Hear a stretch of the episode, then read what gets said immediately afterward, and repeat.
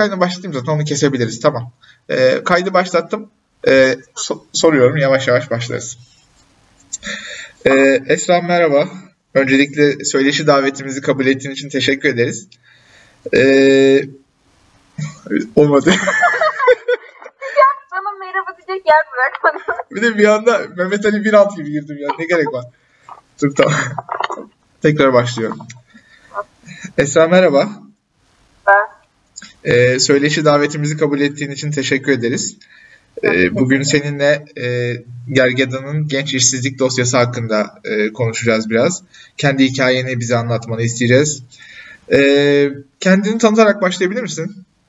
tabii eee şöyle hukuk fakültesini bitirdim. Hemen önce ismimle başlamam gerekiyorsa. Tam o sırada şey düşünüyordum. Evet abi okulumu söylememem lazım.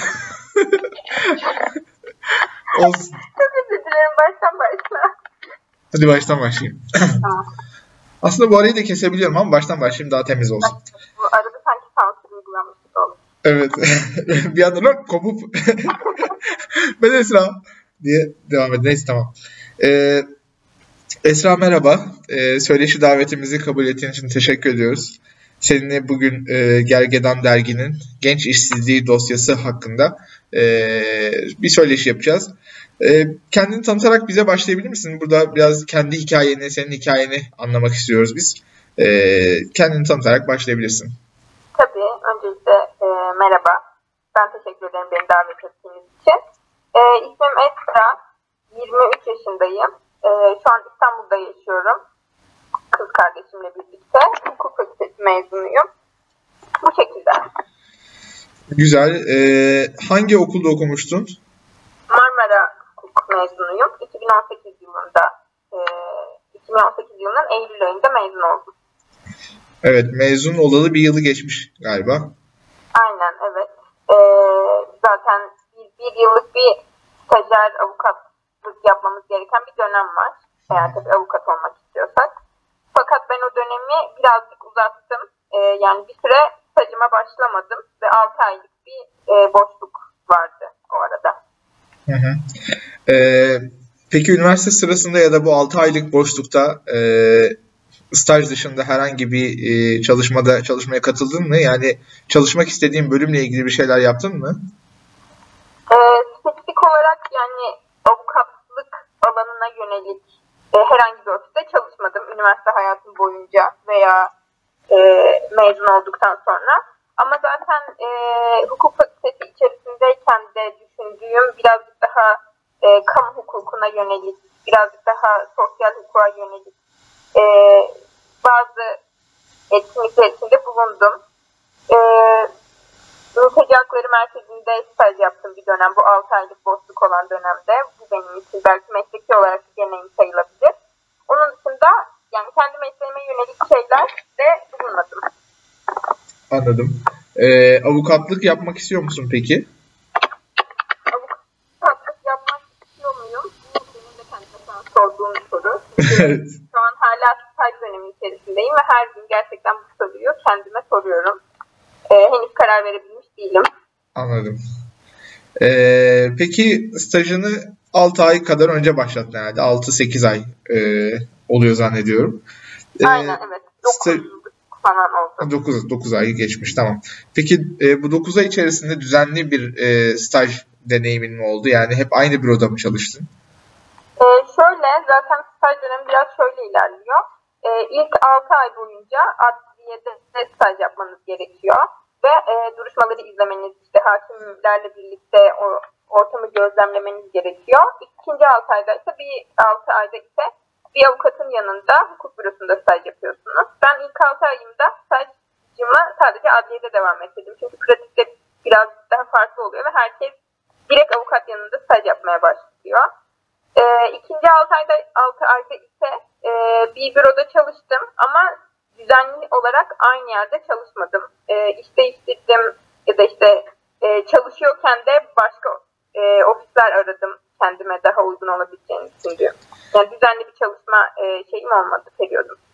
Anladım. Ya bu alanın dışından birisi olarak soruyorum. Bu ilk ilk 6 ayda e, bir büroda çalışmamanın, sadece adliye stajı yapmanın E, tam olarak anlamı ne? Orada e, ücret mi almadın? Nasıl diyeyim? E, aktif olarak e, çalış çalışmamış mı oluyorsun? Nasıl geç, geçiyor o? E, zaten şöyle yani avukatlık kanununa göre stajyer avukatlar da bu kanuna tabi olduğu için e, staj döneminde sigortalı olarak başka bir işte çalışamıyorsunuz ve ücret alamıyorsunuz. Bu yasak. Ee, ilk 6 ayda da zaten yani sadece adliye stajını yapmanız ve sizin o sırada içerisinde bulunduğunuz e, mahkeme her neyse o mahkemede duruşmaları izlemeniz, gereken yazışmaları takip etmeniz, hakimin size verdiği görevleri yapmanız ya da işte savcılıkta orada bulunmanız gerekiyor pratikte, ay, şeyde, teoride. Ama pratikte olay birazcık daha işte şu günler gel imzalarını at git gibi bir olaya dönüyor. Ee, o ben ilk 6 aylık dönemde iş aramadım zaten. Yani bir ofiste çalışmak istemiyordum. Ee, o yüzden o ilk 6 aylık kısmına çok iş aradım bulamadım ya da kendime uygun bir iş bulamadım diyemem. Ama ikinci 6 aylık kısım için iş aramaya başladığım dönem benim için asıl problemli olan yerde. Anladım. Yani e, bu ikinci 6 ayda da e, herhalde bir yerde çalışırken hep başka bir e, iş arayışındasın aynı zamanda paralel olarak. Bu arayı iş arama sürecinden biraz bahseder misin? Tabii şöyle zaten ikinci altı aya başlamadan önce yavaştan e, çalışacağın yeri belirlemen gerekiyor. Hatta e, çok büyük kurumsal bürolar e, bir yani bir dönem öncesinden e, bir dönem sonra onlarla birlikte çalışacak stajyer avukatları zaten belirlemiş oluyorlar. O yüzden sizin üniversiteden mezun olmadan önce onlarla görüşmeleri tamamlamanız, tamamlamış olmanız bekleniyor genelde. Ama çok kurumsal bir yer değilse işte başlamadan bir iki ay önce sizin yavaştan iş bakıyor olmanız gerekiyor. Ben ikinci ayıma başlamadan önce e, yaptığım iş görüşmeleri ne kadar sürdü diyebilirim. Bir, bir buçuk iki ay sürdü. Ve birçok görüşmeye girdim. Çünkü çok fazla ilan var. Baron'un ilan sayfasından bakıyorsunuz. E, bu ilanlar sayı olarak çok fazla ama başvurabileceğiniz ve gerçekten hani içime sinerek özgeçmişimi gönderebileceğim çok az ilan oluyor. Onlardan da iş görüşmesine gidip içinize sinen ve sizin beklentilerinizi karşılayan çok çok az belki de hiç olmayan böyle iş görüşmelerinden geçiyorsunuz sürekli. Anladım. Ee, biraz iş görüşmelerini belki de, de detaylandırabilirsin bizim için. Ee, ne tür şeylerle karşılaşıyorsun? Sana neler soruyorlar? Senin beklentileri neler? Ve onların beklentileri neler? Tabii şöyle, e, az önce zaten söylemiştim. Yani barolar e, avukatlara, stajyer avukatlara herhangi bir şey ödemeleri yönünde bir yükümlülük e, yüklemiyor. Böyle bir sorumlulukları olmadığı için de tabii ki avukatlar e, ödememeyi seçiyorlar genelde. Ama yani böyle bir şey günümüzde İstanbul'da çok mantıklı olamadığı için çünkü başka bir yerde de çalışmamız yasak aynı zamanda. Para kazanamadığımız ama bir yıl boyunca da o böyle bir yıllık süre içerisinde sadece beklememiz gereken bir an var yani. Bir kere bu baştan zaten sorunu değil mi? Yani evet. üniversiteden evet. mezun olmuş e, herhalde on binlerce insan vardır Türkiye'de hukuk okuyan. On binlerce insanı para kazanma imkanı olmayan bir şekilde ortaya bırakıyorsunuz. E, hepsi zamanını stajıyla bağlamak zorunda, orada e, bulunmak zorunda. Ama e, herhangi bir asgari yaşam e, maliyetini karşılayabilecek bir ödeme yapmıyorsunuz. Doğru anlıyorum. Yani. Zaten Zaten şöyle yani ilk 6 ay en azından bunu İstanbul için söyleyebilirim. Ben stajımı İstanbul'da yapıyorum. İlk 6 ay adliye stajı yapıyorsanız eğer ve bir büroda çalışmıyorsanız aslında adliye stajı da yapmıyorsunuz pratikte. Çünkü adliyeler o kadar yoğun ki sana gelme sadece imzalarını at ve istiyorlar. Ve sen o 6 ay boyunca sadece bekliyorsun 6 ayın geçmesini. Ee, ya da işte yanda başka işler yapabilirsin kayıt dışı bir şekilde. Yani herhangi bir e, sosyal güvencen olmadan ve çok az tabii ki yine maaşlarla. E, onun dışında iş görüşmelerine gelirsek biraz sorduğun soruyla ilgili. E, yani her iş görüşmesi gibi aynı yani her meslekteki böyle karşınıza çıkan o komik iş görüşmelerinin yanında ekstra size şöyle bir şey yükleniyor. Sen stajyer avukatsın. Biz sana burada çok büyük bir bilgi aktarıyoruz. O yüzden sen bizim şartlarımıza uymak zorundasın. Bir iş görüşmesinde şey olmuştu. E, şartlar şu şekilde. Haftada 6 gün çalışıyoruz. 9-7 çalışıyoruz. Daha çok e, icra yoğunluklu ki e, yani stajyer avukatlar ya da avukatlar bilirler hani çok karanlık bir alan çalışmak için. e, daha çok icra çalışıyoruz ve sana aylık 900 lira vereceğiz. Buna uygun musun? gibi bir soru geldi bana. Ve ben de e, yani bu noktada önce hayal kırıklığına uğramadan önce öfkeleniyorum. Çünkü ben 4 yıl boyunca hukuk fakültesinde okudum, bitirdim okulu ve gerçekten emek sarf ettim. Ve karşılığında bana teklif edilen şey bu mu olmalıydının hani şeyindeyim, öfkesindeyim o an. E, ve kadının bana söylediği şey iş görüşmesindeki avukatın ama burada çok büyük bir bilgi aktarımı var. Onu da düşün dedi. Ama burada şunu çok kişi yok sayıyor. Çok büyük bir emek de var ortada ve haftanın 6 günü ben tam mesai çalışıyorsam bunu mu hak ediyorum diye sorasım geliyor gerçekten. Ya da iş görüşmesinden önce size sorulan şeyler. Bazı hukuk büroları e, CV'nizi gönderdikten sonra bazı sorular daha soruyorlar sizi görüşmeye çağırmak için. Çünkü o kadar çok hukuk mezunu var ki hani hepsini görüşmeye çağıramazlar. Evet. Zaman yok. Ee, işte sorular mesela çok sinirlendiğim soruları hatırlıyorum. Babanızın mesleği gibi bir soru. Çünkü benim bu alandaki yeterliliğimle nasıl bir bağlantı içerisinde acaba? Bunu çok merak ediyorum. Ya da şey, erkek misiniz, bayan mı? gibi böyle küçük kutucuklarla ayrılıyor. Hani tartışılabilir sorular yine. İşte alkol kullanıyor musunuz? Ee, gibi böyle nerelisiniz mesela ben nerelisiniz sorusuna da bir anlam veremem hiçbir zaman. Hani bunun da bence bir önemi yoktur çünkü nerede doğduğumuzu. Gibi sorularla böyle beni sınayarak iş görüşmesine doğru ilerliyoruz. Ya da e, bir iş görüşmesinde bir yandan Almanca öğreniyorum ama mesleki olarak yani mesleki sebeplerle öğrenmiyorum ve hani işte bunu hukukta da kullanırım diye değil de benim için bir yandan da bir hobi belki ama CV'mde yazıyor bir avukatın bana Almanca çok gereksiz olmuş ya gibi yorumuyla karşılaştım. Mesela bu iş görüşmesinde söylenmeli mi ya da böyle mi söylenmeli gibi böyle çok tartışılır bir şeyle karşılaşıyoruz genelde. Evet ya çok benzerleri aslında farklı sektörlerde de var. Ee, ben de bir iş görüşmesinde bu Almanca gereksiz mi ya yağının bir benzerini Fransızca için duymuştum. Ee, bir tanesinde de biri şey dedi bana. E, o zaman da Arapça öğreniyordum ve A1 düzeyinde. Hala da öyle zaten Arapçam. Ee, bu Arapça ne zaman benim işime yarar diye sordu. Ya senin işine yaramayacak o. O benim benim yani. Sanki böyle senin işine yaramadığı sürece bir önemi yok çünkü yani sen başka bir insan değilsin. Sadece onun işleri için çalışan bir makinesin. Evet evet. Gözünde. Sanki sen bir makinesin de sana bir özellik bir güncelleme evet, gelecek, update gelecek gibi. Evet. Kendimi öyle hissetmiştim. geliyor. Evet. Ya da mesela şey vardı. Ee, bir yandan üniversitedeyken insan haklarıyla ilgileniyordum ve işte kendi arkadaşlarımızla beraber yürüttüğümüz bir proje vardı. Ee, bu proje onların CV'mi inceledikleri sırada ilgilerini çekiyor. Aa, şeyler yapıyor, sosyal biri diye düşünülüyor.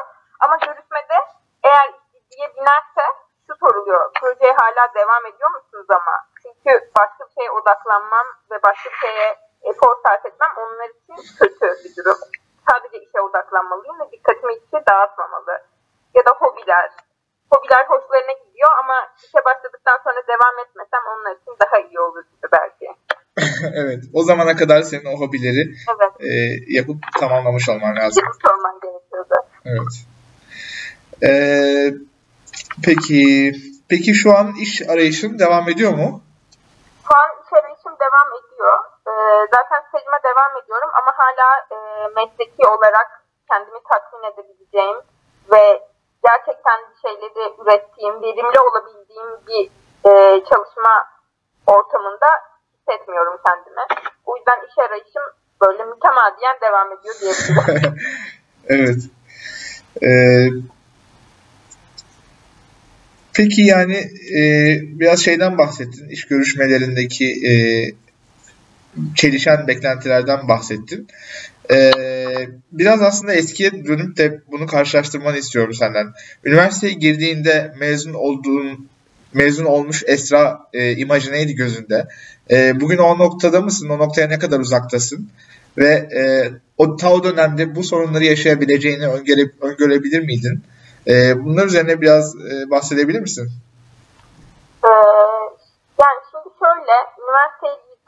zamanlar ya da lise tercih dönemlerinde zaten herkesin bakış açısı hukuk mu kazandın? Çok güzel. Zaten rahat iş bulursun diye yaklaşılıyor. Ee, zaten çok büyük bir böyle hiç ilan yok, hiç yok, hiç bulamıyoruz gibi bir ortamda yok. Eğer çok mecbursanız çalışmaya, e, çok ihtiyacınız varsa birçok şeyden taviz e, vererek çalışabilirsiniz gerçekten ama önemli olan kendinizi gerçekten bir alanda çalışabilmekte eğer iş yok bu noktada. Üniversitenin başında bunun böyle olabileceğini düşünmüyordum. Problemler yaşayabileceğimi düşünüyordum ama bunu işte bir şekilde kendimi geliştirerek e, aşabileceğimi varsayıyordum en azından. Fakat e, okula başladığımda kendimden üst dönem olan arkadaşlarımla iletişim kurduğumda onların endişesi birazcık tabii zamanla bana da yansıyor. Ya da son sınıfken artık staj yapan arkadaşlarım varsa e, o endişe tabii sona geldikçe siz de şeye kapılıyorsunuz. Ya acaba staj nasıl olacak ya da işte bitirince nasıl iş bulacağım yeni mezun bir avukat olarak ki o da apayrı bir böyle karanlık bir dönem yine. O yüzden bu endişeler bence sona geldikçe artıyor ve aynı zamanda bu endişenin sebebi bence biraz da çok kalabalık olmamız tabii ki. Çok fazla hukuk fakültesi var, çok hukuk mezunu var ama ne kadar nitelikliyiz e, bu tartışılır tabii bir yandan da. Bu şekilde. Evet ya bu e, söylediğim bir cümle çok dikkatimi çekti. E, çok ihtiyacınız varsa çalışmaya, e, başka hiçbir çareniz yoksa kendinizden birçok birçok şeyi taviz vererek iş bulabilirsiniz dedin ya. Yani aslında bu bu cümleyi düşündüğümüzde taviz verdiğimiz noktalar e, sosyal güvencemiz, taviz verdiğimiz kendi kişisel yaşamımız, çoğu zaman kendi karakterimiz, kendi e, dünya görüşümüz, ideolojimiz, e, ilkelerimiz hepsinden belki taviz vermek gerekiyor o, o noktaya geldiyse bir insan. E, ve ondan, ondan sonrası da zaten e, bilmiyorum avukatlık ya da işçilik değil sanki bu. Bundan sonrası kölelik direkt yani bunun adı. Halbuki zaten yani meslek dediğimiz şey ya da hepimiz biraz üniversiteyi bu taviz vermemiz gereken alanları daraltabilmek için okumuyor muyuz? Evet. Hepimiz daha yetkin olabilmek için e, yıllarımızı, günlerimizi vermiyor muyuz? Yani hepimiz bunun için bunu yapıyoruz. Ve nihayetinde bize verilen şey haftanın altı gün gelirsen sürekli buraya sana çok küçük bir maaş verebilirim ve tabii ki bilgilerimi de vereceğim gibi bir yaklaşım. Burada işi istemeyen ben oluyorum. Ve burada ironik olan bu hani bu işi istememek zaten benim hani verebileceğim en doğal tepki bu noktada. Çünkü sömürülmek istemiyorum. Her, her insan gibi çok doğal olduğu için. Ama sömürülmek istemediğim noktada da e, yanlışı ben yapmış oluyorum nedense. Çünkü evet. onlar için seçenek çok. İş mi beğenmiyorsun diye soracaktım. Cevap vermiş oldun. Ee, bir evet. evet. Bu iş beğenmemek yani az önce şartlarını söylediğim işi beğenmemek çok normal. Çünkü yani zaten istediğim işi yapabilmek için bu üniversiteyi okudum. İstediğim şartlarda çalışabilmek için bu üniversiteyi okudum. Yapamayacaksam beğenmediğimi söyleyebilmek de benim elimde olabilmeliydi belki de. Ama şu noktada e, yani işverenlerin alnı e, böyle ak ortada dolaşırken ben iş beğenmiyor oluyorum. evet. E, ya bir de nitelikli olarak nasıl söyleyeyim kendi niteliklerini kullanabileceğin, e, verimli olarak çalışabileceğin, en yüksek e, verimde çalışabileceğin işi yapmak istediğini, bu yüzden bunu da insanca koşullarda yapmak istediğini söylüyorsun. E, bunun üzerine aslında çok fazla tartışma var. Sen de e, hakimsindir herhalde. Hukuk fakültelerinde e, zaten bu çalışma koşulları da avukatlık sektörü, hukuk sektörü içerisinde olduğu için e, bu çelişkiyi de görmek gerekiyor. Hukuk fakültelerinde acaba e, doğru bir hukuk eğitimi verilmiyor mu? Orada e, sadece bir meslek lisesi gibi, meslek okulu gibi e, diploma mı veriliyor? Şöyle bence, ben Marmara mezunuyum. Ee, yani görece herkesin bildiği çok bir devlet okulu ve bu alanda gerçekten tanınan bir okul. Hocalarımdan memnundum. Aldığım eğitimden e, kısmen memnundum diyebilirim. Senenin probleminin gerçekten sadece senin de dediğin gibi avukat yetiştirmek gibi bir e, o şeyde toplandığını düşünüyorum. Bir merkezde toplandığını düşünüyorum.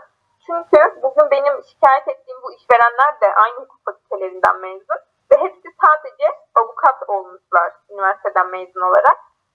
Çoğu etik değerlerden yoksun, iletişim kurabilmekten yoksun, e, sosyal zekalarının böyle